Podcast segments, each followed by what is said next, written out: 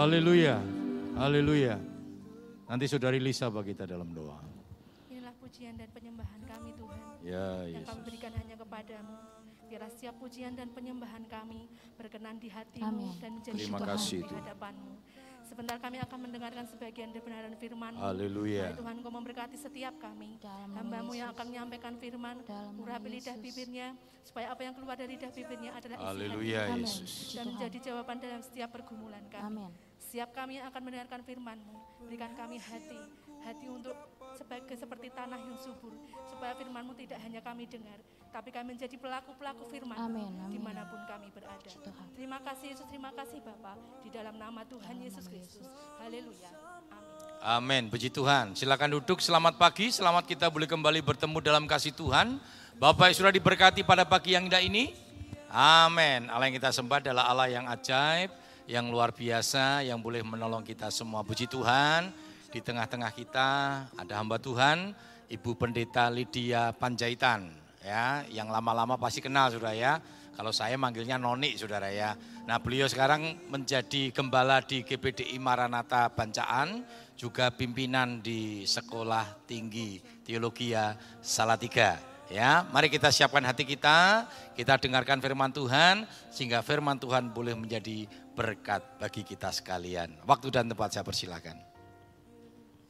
Engkau yang paling kuat, dunia akan lenyap, masa depanku. Haleluya. Haleluya. Puji Tuhan, selamat pagi saudara. Apa kabar hari ini?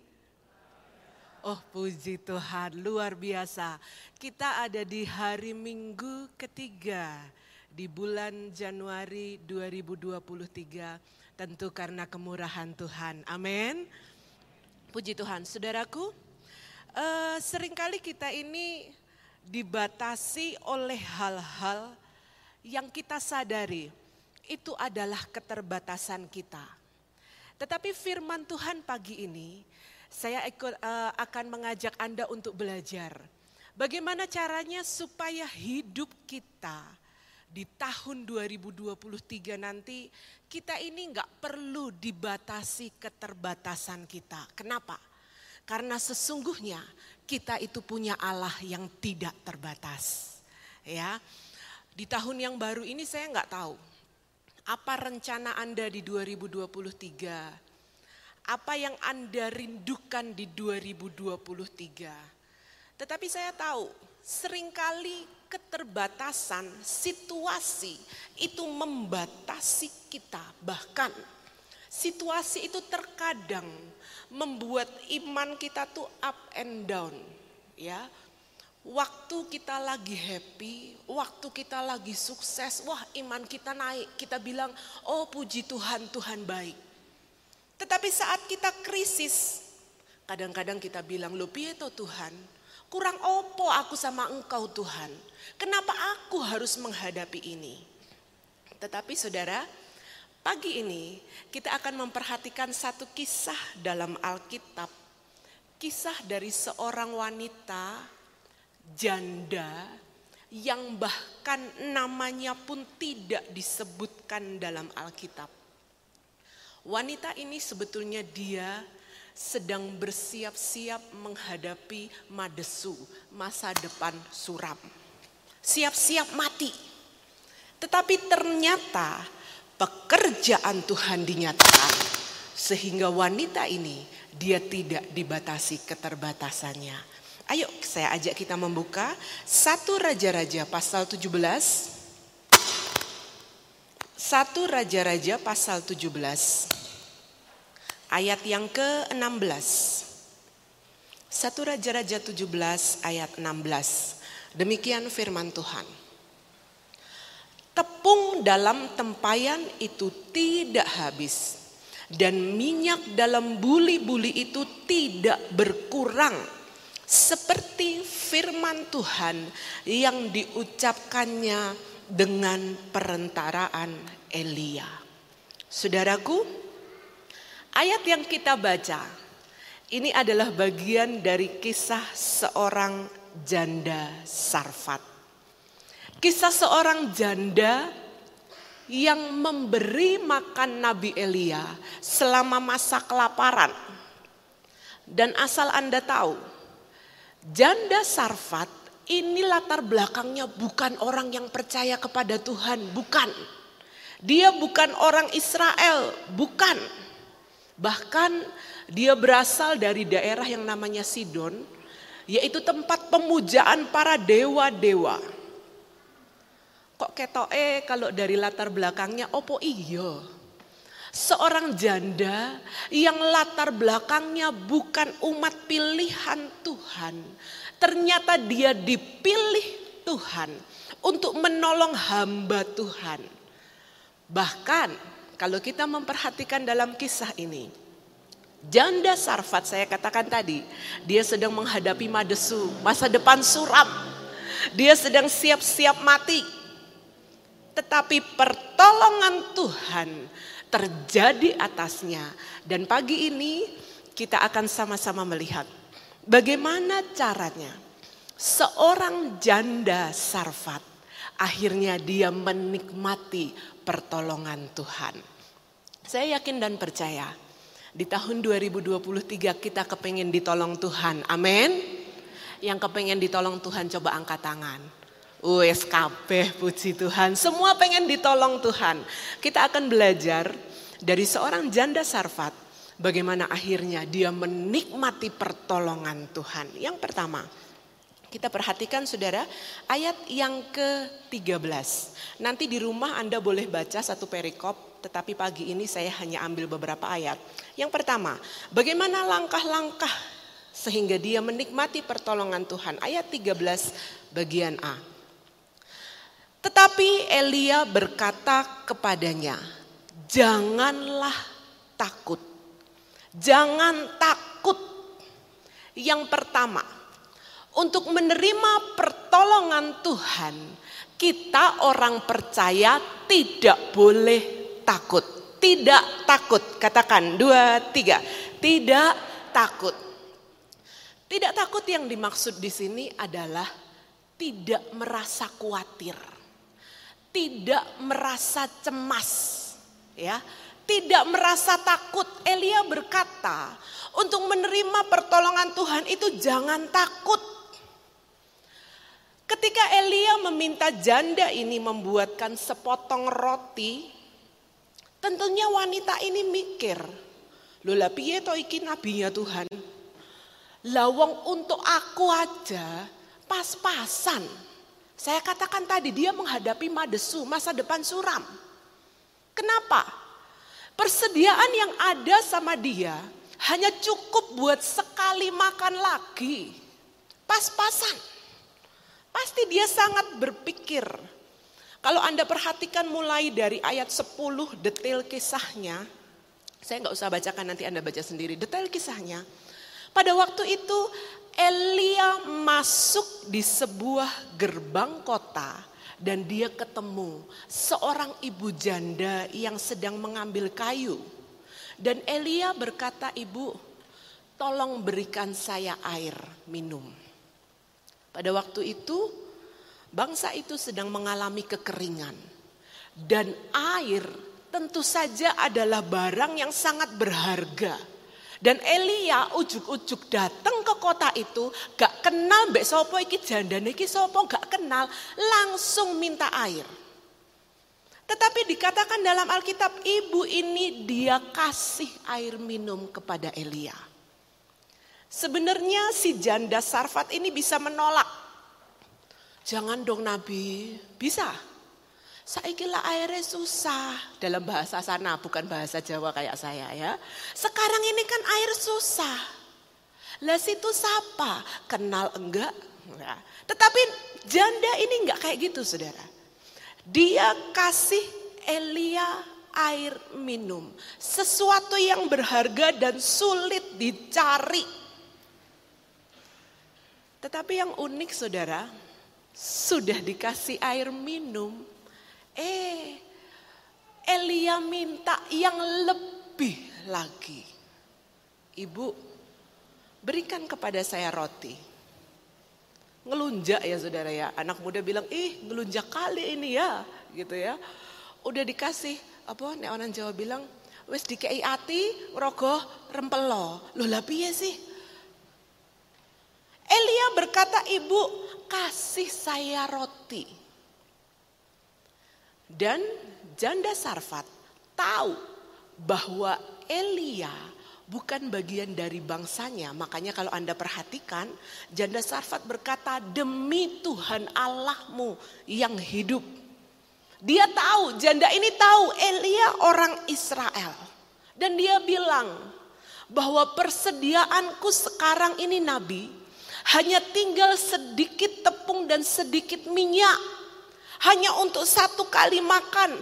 Selesai aku ngumpulin kayu ini, aku bikin roti, aku makan beserta anakku. Setelah itu kami tinggal menunggu ajal, tinggal mati. Artinya apa? Janda ini sedang bilang, Nabi, gak ada jatah buat engkau. Gak ada bagian yang saya punya untuk engkau. Tetapi Elia berkata, jangan takut. Jangan takut. Hei ibu, kamu gak usah takut. Kenapa? Karena Tuhan akan mencukupi kebutuhanmu sampai kelaparan ini berlalu. Jangan khawatir, jangan takut, jangan cemas. Saudaraku, langkah pertama yang harus kita ambil kalau kita mau menikmati pertolongan Tuhan adalah tidak takut. Tidak takut, tidak khawatir, tidak cemas untuk apa yang harus kita hadapi saat-saat ini. Kita tidak cemas untuk apa yang harus kita lalui pada saat-saat ini. Jangan khawatir akan apa yang menjadi kebutuhan kita Jalani aja dengan hati tenang. Bahkan Yesus pernah berkata, bukankah kekhawatiran, kecemasan itu nggak nyelesain masalah. Kekhawatiran, kecemasan itu nggak akan menambah sedikit aja dari hidupmu. Enggak, cuma bikin susah doang. Mau menikmati pertolongan Tuhan, amin. Yang pertama, tidak takut. Yang kedua, perhatikan saudara, ayat yang ke-14. Masih satu Raja-Raja 17 ayat 14. Sebab beginilah firman Tuhan Allah Israel. Tepung dalam tempayan itu tidak akan habis. Dan minyak dalam buli-buli itu pun tidak akan berkurang. Sampai pada waktu Tuhan memberi hujan ke atas muka bumi. Yang kedua, Bagaimana untuk kita menikmati pertolongan Tuhan? Yang kedua, pegang janji Tuhan. Ya, pegang janji Tuhan. Katakan dua, tiga, pegang janji Tuhan. Tadi yang pertama apa saudara? Tidak takut. Yang kedua, pegang janji Tuhan.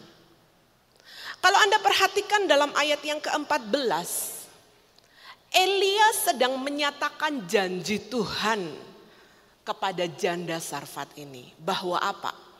Bahwa Tuhan akan memelihara kehidupan janda ini sampai masa kelaparan berlalu. Saudaraku, pilihan yang dihadapi janda ini cuma dua. Kalau dia nggak kasih makan Elia jelas, ya kalau dia nggak kasih makan Elia jelas. Begitu selesai kumpulin kayu, dia bikin roti, terus dia dan anaknya makan, setelah itu tinggal nunggu mati.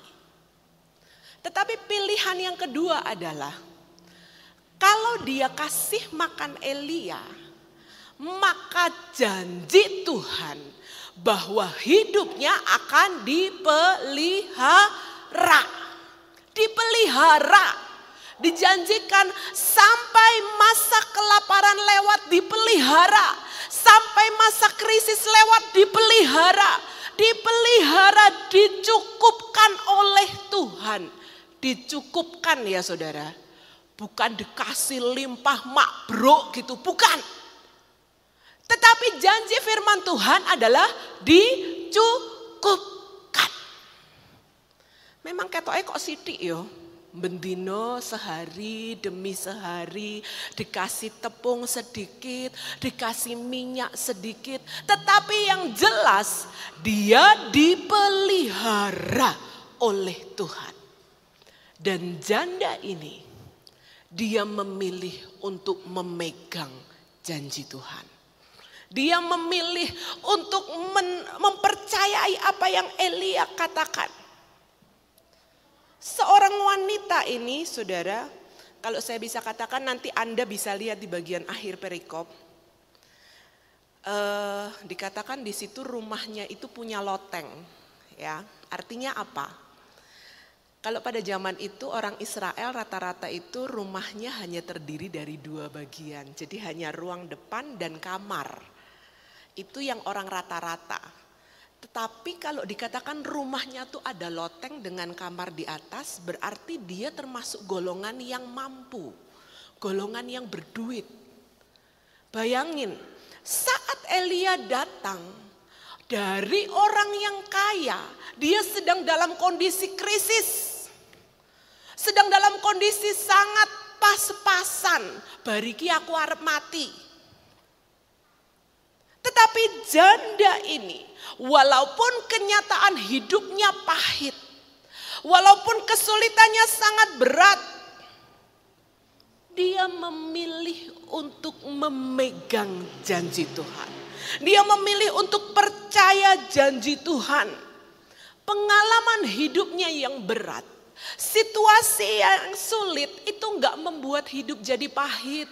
Sorry saudara, Kadang-kadang kita anak Tuhan yang sering menghadapi situasi sulit, keadaan berat, hidup kita jadi pahit, hati kita jadi pahit. Kita sering jadi protes loh, piye toh Tuhan? Kurang opo Tuhan? Aku sudah melayani, aku sudah korban, aku sudah melakukan segala sesuatu buat Tuhan, tetapi kenapa? Seringkali kita ngerasa pahit, saudara. Tetapi janda Sarfat Situasinya sulit. Eh, berat buat seorang yang sudah pernah hidup berlimpah, cukup, tetapi dia dihadapkan pada situasi seperti ini. Tapi hatinya enggak pahit saudara. Bahkan kepada seorang pria asing yang ujuk-ujuk minta air, ujuk-ujuk minta roti, dia layani dengan baik. Saudaraku, sering kali kita berada dalam keadaan yang seperti ini. Mungkin saat-saat ini kita merasa Tuhan, saat ini keadaanku belum baik. Saat ini keadaanku belum oke. Okay. Selepas pandemi ini, situasi dan kondisiku masih berat. Tetapi saya mau katakan kepada kita, Anda mau pilih yang mana? Kalau Anda mau menikmati pertolongan Tuhan, mari seperti janda Sarfat. Pilih untuk memegang janji Tuhan. Amin pegang janji Tuhan. Yang pertama tadi saudara, kalau mau menikmati pertolongan Tuhan, apa yang harus dilakukan? Tidak takut. Yang kedua, pegang janji Tuhan. Yang ketiga, kita perhatikan ayat yang ke-15 dan ayat yang ke-16. Ayat 15 dan 16, lalu pergilah perempuan itu dan berbuat seperti apa yang dikatakan Elia. Maka perempuan itu dan dia serta anak perempuan itu mendapat makan beberapa waktu lamanya. Tepung dalam tempayan itu tidak habis dan minyak dalam buli-buli itu tidak berkurang seperti firman Tuhan yang diucapkannya dengan perantaraan Elia setelah tidak takut, kemudian pegang janji Tuhan. Yang ketiga yang harus dilakukan adalah apa? Yang ketiga, melangkah dengan iman. Melangkah dengan iman, katakan dua, tiga. Melangkah dengan iman, melangkah dengan iman. Kenapa saya katakan pilihan yang diambil janda ini menunjukkan bahwa dia melangkah dengan iman saudara. Gini, permintaannya Elia kepada janda Sarfat untuk bikinin roti padahal yang dipunyai janda Sarfat ini hanya segenggam tepung dan sedikit minyak. Ini saja ini nggak masuk nalar. Ya. Mungkin kalau orang lain akan ngomong, iki hamba Tuhan macam apa iki? Misalnya Om Agus minta kepada seorang ibu, ya kasih sama saya, ya itu ya mungkin duitnya tinggal 100 ribu, kasih sama saya buat pelayanan. Kira-kira tega enggak om? Mikir ya om ya. Tapi Elia nggak mikir saudara. Elia nggak mikir. Elia dia katakan kasih saya roti. Padahal hanya tepung itu dan sedikit minyak itu yang dimiliki janda Sarfat ini. Tetapi yang dilakukan apa? Janda Sarfat memilih untuk dia melangkah dengan iman. Dia buatkan roti dari tepung dan minyaknya yang terakhir itu untuk Nabi Tuhan. Nek di logika nih loh saudara, nek dinalar. Ketoknya tidak masuk akal. Apa yang diminta Elia ini nggak masuk akal.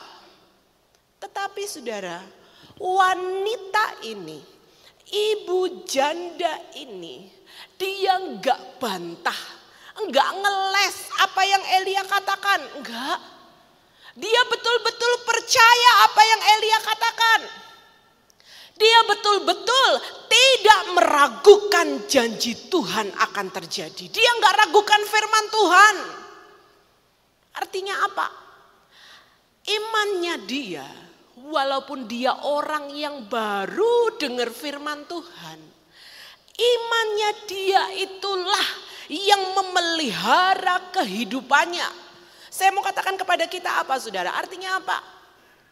Ketika kita beriman kepada Tuhan, ketika kita percaya kepada Tuhan, maka iman itu yang akan memelihara hidupku dan hidupmu. Amin.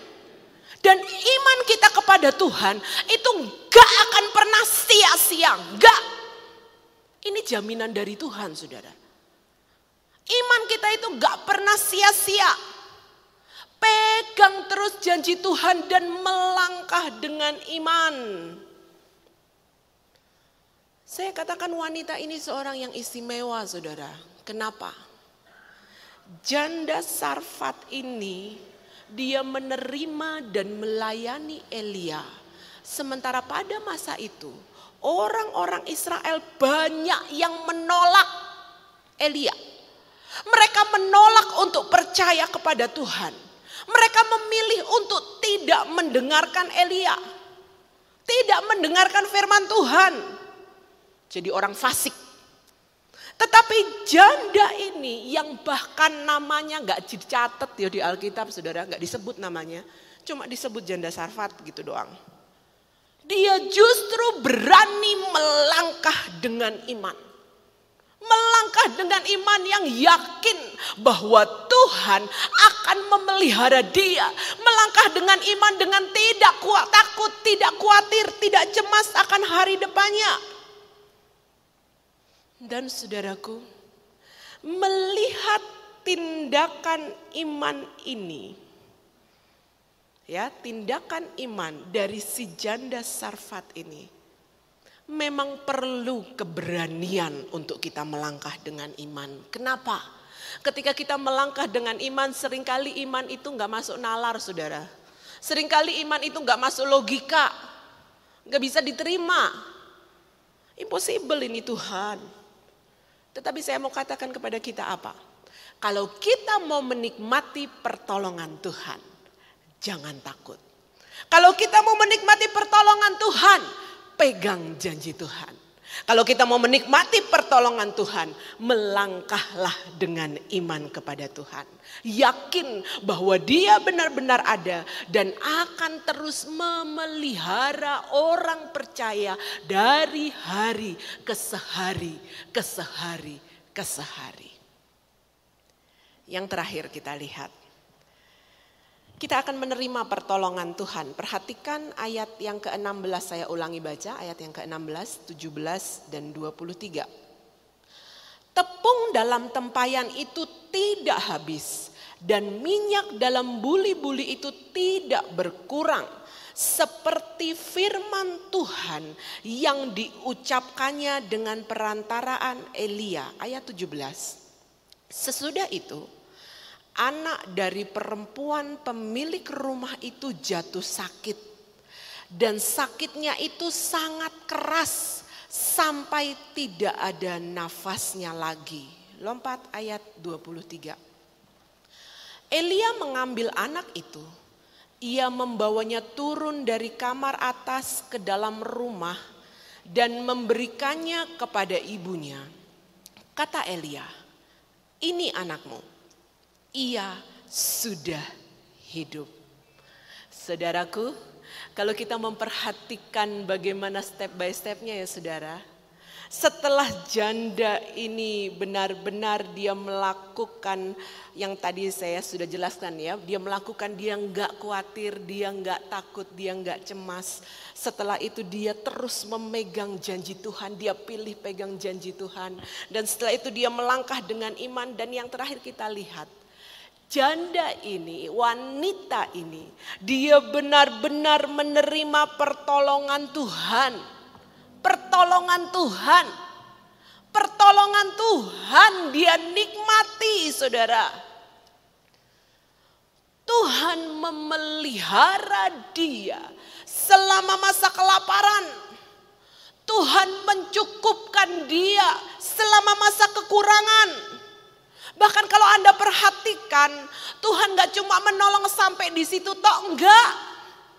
Tetapi Tuhan menolong dia sampai masalahnya selesai. Terakhir apa? Dia menerima mujizat ketika anaknya sakit sampai mati. Dikatakan akhirnya dia menerima mujizat, anaknya bangkit kembali. Tuhan itu kalau mau nolong kita nggak setengah-setengah saudara, amin. Gak setengah-setengah. Gak main-main, gak cuma bercanda Tuhan mau nolong, gak cuma janji manis, enggak. Tetapi dia betul-betul menolong janda ini, menolong wanita ini sampai masalahnya selesai. Tuntas, tas, tas, tas. Selesai.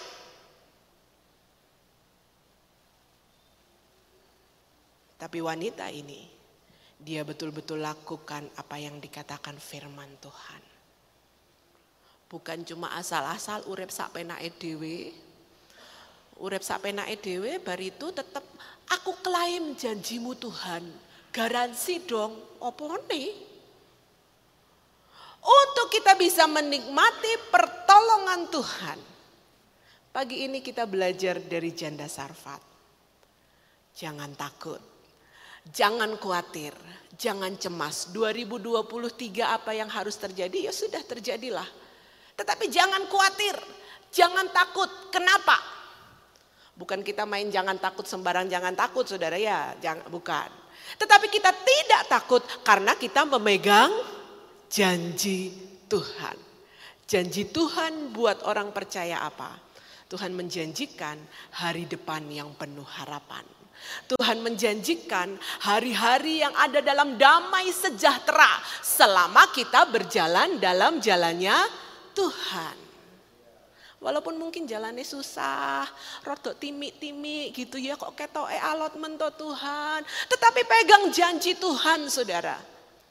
Satu-satunya yang gak pernah ingkar janji itu cuma Tuhan kok saudara. Ya, Satu-satunya yang gak pernah gombal itu cuma Tuhan. Pegang janji Tuhan dan melangkah dengan iman berdasarkan janji Tuhan, maka jaminan firman Tuhan, engkau akan menikmati pertolongan Tuhan dari hari ke sehari. 2023 masih panjang terbentang di hadapan kita saudara, masih panjang. Ini baru tanggal 15, masih ada 300 sekian hari lagi di 2023. Tetapi jaminan firman Tuhan, dia akan memelihara hidupku, dia akan memelihara hidupmu. Walaupun mungkin yang kita rasakan bukan berkat yang makbruk ya, bukan seperti uh, tahu-tahu dikasih tepung bertonton atau dikasih minyak berliter-liter kalau versi janda sarfat bukan. Walaupun pemeliharaan Tuhan yang kita rasakan terkadang hanya seperti sedikit, sedikit, sedikit, sedikit, tetapi nanti di akhir 2023, kalau engkau masih ada sebagaimana ada, engkau akan menyadari, oh Tuhan, ini semua karena kemurahan Tuhan saja. Memang kadang-kadang terasa jauh dari kondisi ideal yang kita harapkan. Emang kadang-kadang ini nggak seperti yang aku mau Tuhan.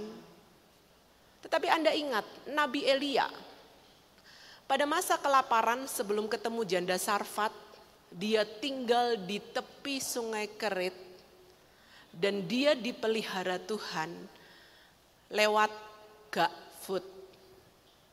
Kalau biasa kita pesankan GoFood ya.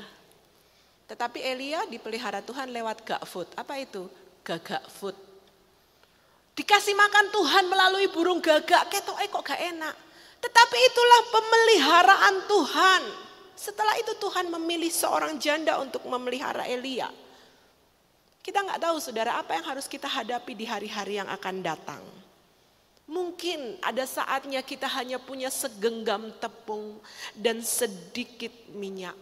Mungkin ada saatnya yang kita punya itu nggak banyak. Tetapi ketika kita mau mempersembahkan itu untuk Tuhan. Saya mau katakan apa saudara? Yang dicari Tuhan itu bukan jumlah yang besar, bukan. Bukan. Tetapi yang dicari Tuhan itu adalah hati yang besar. Bukan jumlah yang banyak, bukan. Tetapi rasa syukur yang banyak itu yang dicari Tuhan. Apa yang Tuhan taruh di tangan kita saat ini, saudara? Mari kita belajar seperti janda Sarfat. Ya, Aku nggak khawatir Tuhan menghadapi hari esok. Aku nggak takut. Aku nggak akan ragu menghadapi hari esok Tuhan. Enggak. Kenapa? Karena aku memegang janjimu Tuhan. Karena aku mau melangkah dalam iman bersamamu Tuhan. Dan aku yakin aku akan menikmati pertolongan Tuhan dari hari ke sehari. Puji Tuhan. Firman Tuhan tidak saya panjangkan. Saya ajak kita nyanyi ada satu lagu uh, Yesus pegang erat tanganku. Uh, awalnya gimana tuh? Uh, oh iya, aku hidup karena anugerahmu. Kamu saya di sana. Ku hidup karena anugerahmu. Yesus pegang erat tanganku. Biarlah kita sama-sama melangkah memasuki hari-hari ke depan dengan Yesus yang terus memegang tangan kita. Jangan takut saudara, jangan khawatir ya pegang terus janji Tuhan dan melangkahlah dengan iman. Hmm. Tadi apa namanya? Aku hidup, ku hidup karena anugerahmu. Tiada satu pun, tiada satu pun dapat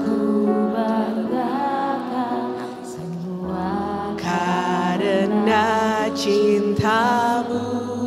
Ini hidupku ini hidupku. Pimpin kasihmu mengubah hidupku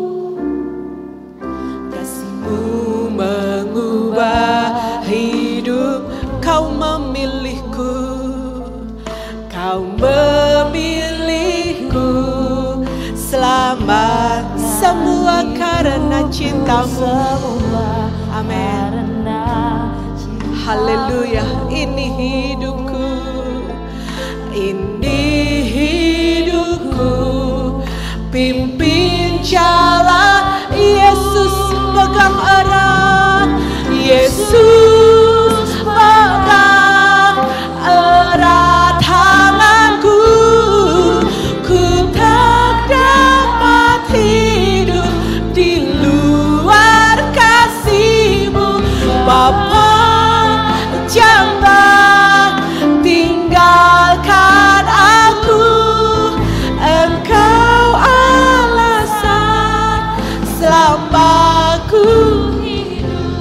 Saudaraku, yang tahu keadaan Anda pagi ini hanya Engkau sendiri dan Tuhan. Tetapi kalau saat ini kita ada sebagaimana ada, itu hanya karena kemurahan Tuhan. Yakinlah, dia akan terus menuntunmu di tahun 2023. Dia tidak akan pernah meninggalkan engkau bagaimanapun keadaanmu. Saya jemput kita semua bangkit berdiri. Ku hidup karena anugerahmu. Kita nyanyikan pujian ini. Haleluya. Puji Tuhan. Ku hidup karena tiada satu pun dapat ku banggakan. Tiada satu Amin dapat haleluya. Semua karena cintamu. Ini hidupku pimpin Yesus. Yesus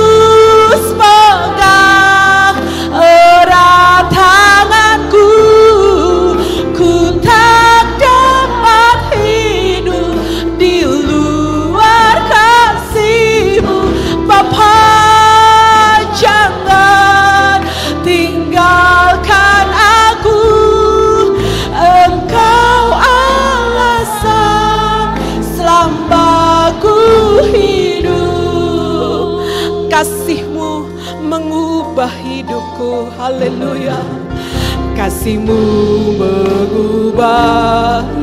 Kau memilihku Kau memilih selamatkan Selamatkan semua karena cintamu. Amin. Haleluya. Ini hidupku Ini hidupku. Pimpin Katakan Yesus pegang erat. Yesus pegang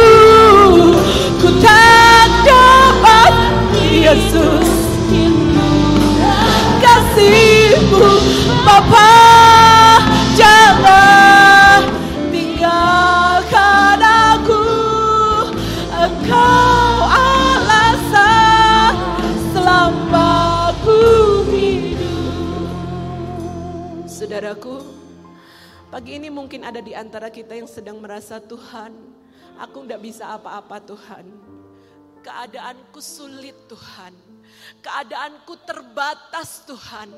Tetapi aku mau menikmati pertolongan Tuhan di 2023. Keadaanku terjepit Tuhan. Tetapi aku mau menikmati mujizatmu di 2023. Kalau ada di antara Anda yang merindukan Tuhan menolong Anda, silakan nyanyikan pujian ini sambil angkat tangan kananmu di hadapan Tuhan. Yesus, haleluya. Yesus, pegang erat Yesus Tuhan.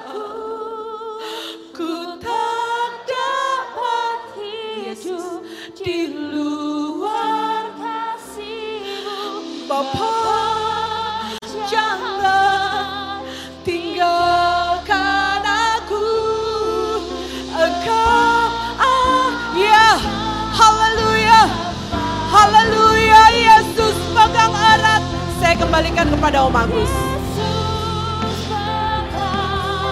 Erat tanganku Ku tak dapat hidup di luar kasihmu.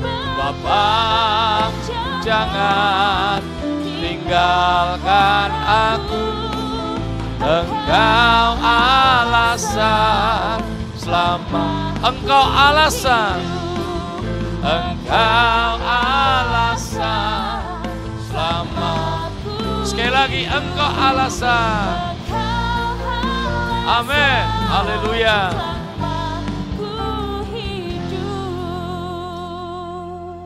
Ibu Esa bawa kita dalam doa. Kami mengucap syukur Tuhan untuk firman Tuhan yang boleh menguatkan kami pagi hari ini. Kami mau terus pegang janji Tuhan dan kami mau melangkah dengan iman di dalam Tuhan. Karena kami yakin dan percaya Engkau Allah yang tidak pernah meninggalkan kami sendirian Tuhan untuk setiap hal yang boleh kami rencanakan, untuk setiap doa pergumulan yang terus kami naikkan kepada Tuhan, kami tahu Tuhan akan buka jalan tepat pada waktunya. Kami mengucap syukur untuk firman Tuhan yang boleh kami dengar, dan biarlah kami boleh juga menjadi pelaku-pelaku firman Tuhan yang terus mengimani setiap janji Tuhan dalam hidup kami. Sebentar kami akan lanjutkan acara kami Tuhan. Tuhan tetap memberkati kami hingga akhirnya nanti. Di dalam nama Tuhan Yesus Kristus kami berdoa dan bersyukur. Haleluya. Amin. Puji Tuhan. Silakan duduk kembali Bapak Ibu Saudara.